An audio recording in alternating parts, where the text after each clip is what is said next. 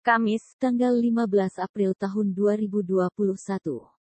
Rekoleksi Keluarga seri keempat, yang diadakan oleh Komisi Keluarga Keuskupan Banjarmasin bekerja sama dengan Pusat Kerasulan Keluarga MSF Banjarbaru mengangkat tema Yesus Kristus memimpin kita dalam iman.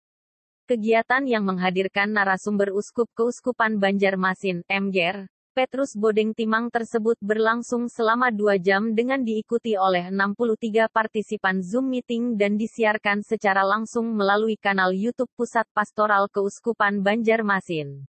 Bapak Uskup Keuskupan Banjarmasin, MGR, Petrus Bodeng Timang menguraikan materi dalam empat bagian, yaitu 1. Surat Apostolik Paus Benediktus ke-16 Porta Fidei, 2.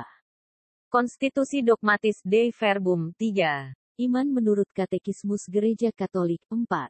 Yesus sebagai pemimpin dalam iman. Usai pemaparan, para peserta yang mengikuti melalui Zoom diberikan kesempatan untuk mengajukan pertanyaan atau tanggapan dengan dipandu oleh Ketua Komisi Keluarga Keban, RP.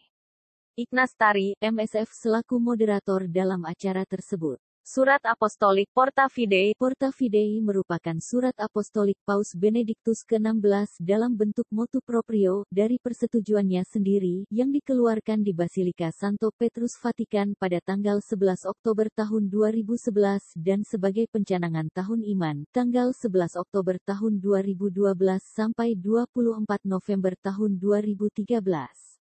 Salah satu bagian dalam Porta Fidei dinyatakan, sekarang ini kita harus tetap memandang Yesus Kristus, yang memimpin kita dalam iman, dan yang membawa iman kita itu kepada kesempurnaan. Iber 12 banding 2, di dalam dia, semua kekhawatiran dan semua kerinduan hati manusia mendapatkan pemenuhannya. Sukacita kasih, jawaban atas drama penderitaan dan kesakitan, kekuatan pengampunan di hadapan sebuah penghinaan yang diterima dan kemenangan hidup atas kehampaan kematian, semuanya itu mendapatkan kepenuhannya di dalam misteri inkarnasinya melalui kekuatan kebangkitannya.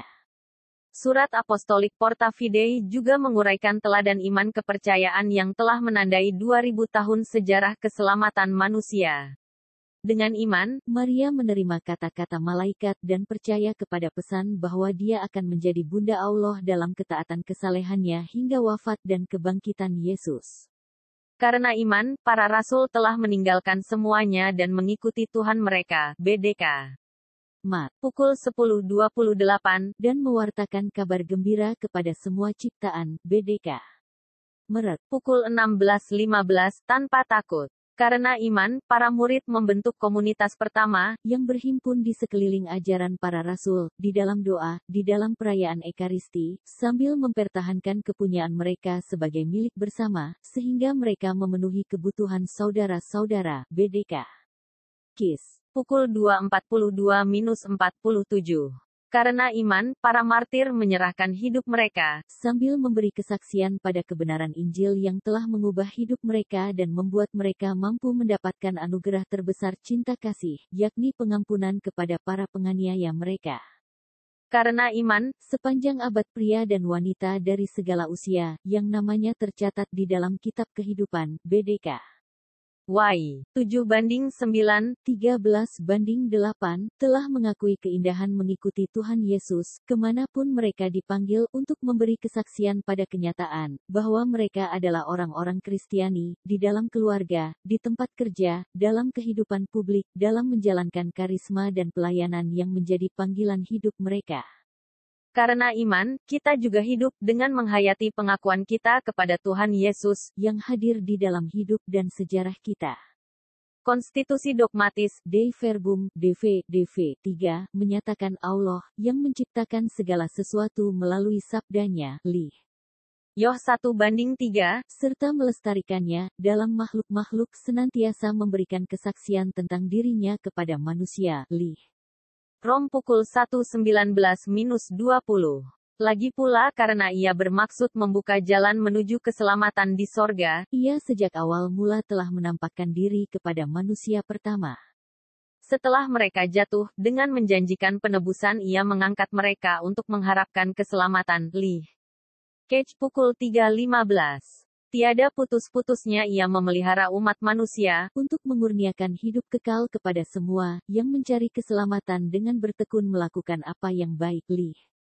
Rom 2 banding 6 minus 7. Kemudian dalam DV4 diuraikan bahwa setelah berulang kali dan dengan pelbagai cara Allah bersabda dengan perantaraan para nabi, Akhirnya pada zaman sekarang ia bersabda kepada kita dalam putera Iber 1 banding 1 minus 2. Sebab ia mengutus puteranya, yakni sabda kekal, yang menyinari semua orang, supaya tinggal di tengah umat manusia dan menceritakan kepada mereka hidup Allah yang terdalam. Li. Yoh pukul 5.36, 17 banding 4. Maka Yesus Kristus, sabda yang menjadi daging, diutus sebagai manusia kepada manusia, menyampaikan sabda Allah, Yoh pukul 3.34, dan menyelesaikan karya penyelamatan, yang diserahkan oleh Bapa kepadanya, Li. Yoh pukul 5.36, 17 banding 4. Adapun tata keselamatan Kristiani, sebagai perjanjian baru dan tetap, tidak pernah akan lampau, dan sama sekali tidak boleh dinantikan lagi wahyu umum yang baru, sebelum Tuhan kita Yesus Kristus menampakkan diri dalam kemuliaannya. Li. 1 Tim pukul 6.14 dan Tit pukul 2.13. Kepada Allah yang menyampaikan wahyu, manusia wajib menyatakan ketaatan iman. Rom pukul 16.26 Li. Rom 1 banding 5, 2 Kor 10 banding 5 minus 6.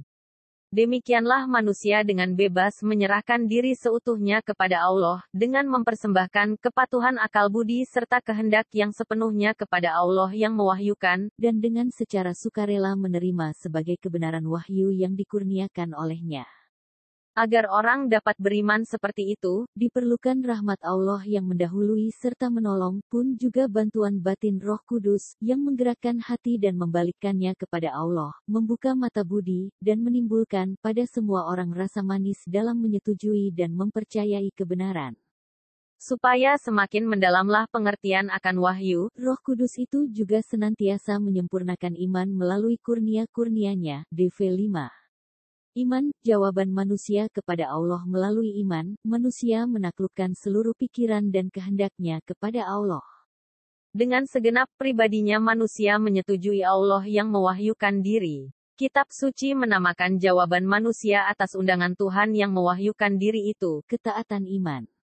Taat op audir dalam iman berarti menaklukkan diri dengan sukarela kepada sabda yang didengar, karena kebenarannya sudah dijamin oleh Allah, yang adalah kebenaran itu sendiri.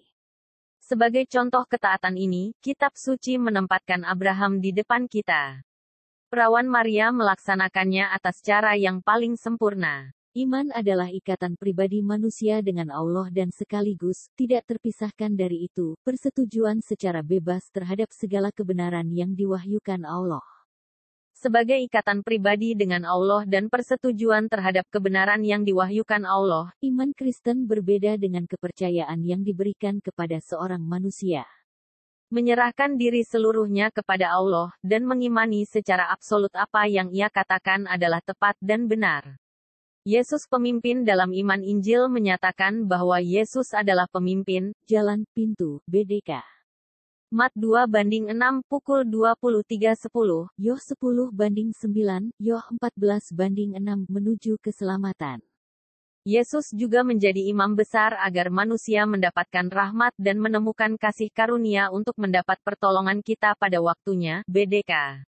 Iber pukul 4.14-16 Yesus Kristus adalah tokoh keselamatan yang abadi bagi semua orang yang taat kepadanya. Ia sempurna dalam ketaatan sampai wafat di salib. Iman akan kebangkitan Yesus bertumbuh dalam komunitas atau persekutuan, Mat 28 banding 10, Merek 16 banding 8, Luk pukul 24.36 minus 39, Yoh pukul 20.19 minus 23, Kis pukul 2.41 minus 47, pukul 4.32 minus 37. Untuk itu kita memerlukan orang lain atau komunitas agar iman kita semakin kuat mengingat banyaknya hambatan-hambatan yang kita alami dalam menumbuhkan iman seperti rasionalisme, empirisme, BDK Thomas Yoh pukul 20.25, egoisme, egosentrisme, ambisi pribadi, baper, cemas, takut, angkuh, serakah, martabat pribadi, kekuasaan. Dalam menumbuhkan iman, sebagai murid Yesus, penganut jalan Tuhan orang Kristen, KIS pukul 11.26, perlu semakin, mengenal Yesus, mengetahui, memahami, menghayati, mewujudkan Ardas Keban. Nemo dat quote no habet, bekerja bersama Yesus. Yoh 15 banding 5, di luar aku kamu tidak dapat berbuat apa-apa, bekerja seperti Yesus, mengerjakan pekerjaan-pekerjaan Bapa. Yoh 9 banding 4 pukul 10.25. Tujuannya ialah supaya kita semakin percaya bahwa Yesuslah Mesias, anak Allah, dan oleh iman itu memperoleh hidup dalam namanya. Yoh pukul 20.30, penutup Injil Yohanes, BDK. Yoh pukul 3.36, Barang siapa percaya kepada anak, ia beroleh hidup yang kekal, tetapi barang siapa tidak taat kepada anak, ia tidak akan melihat hidup, melainkan murka Allah tetap ada di atasnya. Dengan demikian mereka mampu, berani, tekun, dan setia mewartakan kasih Allah kepada sekalian makhluk. Pergilah ke seluruh dunia, beritakan Injil kepada segala makhluk. Merek pukul 16.15. Smer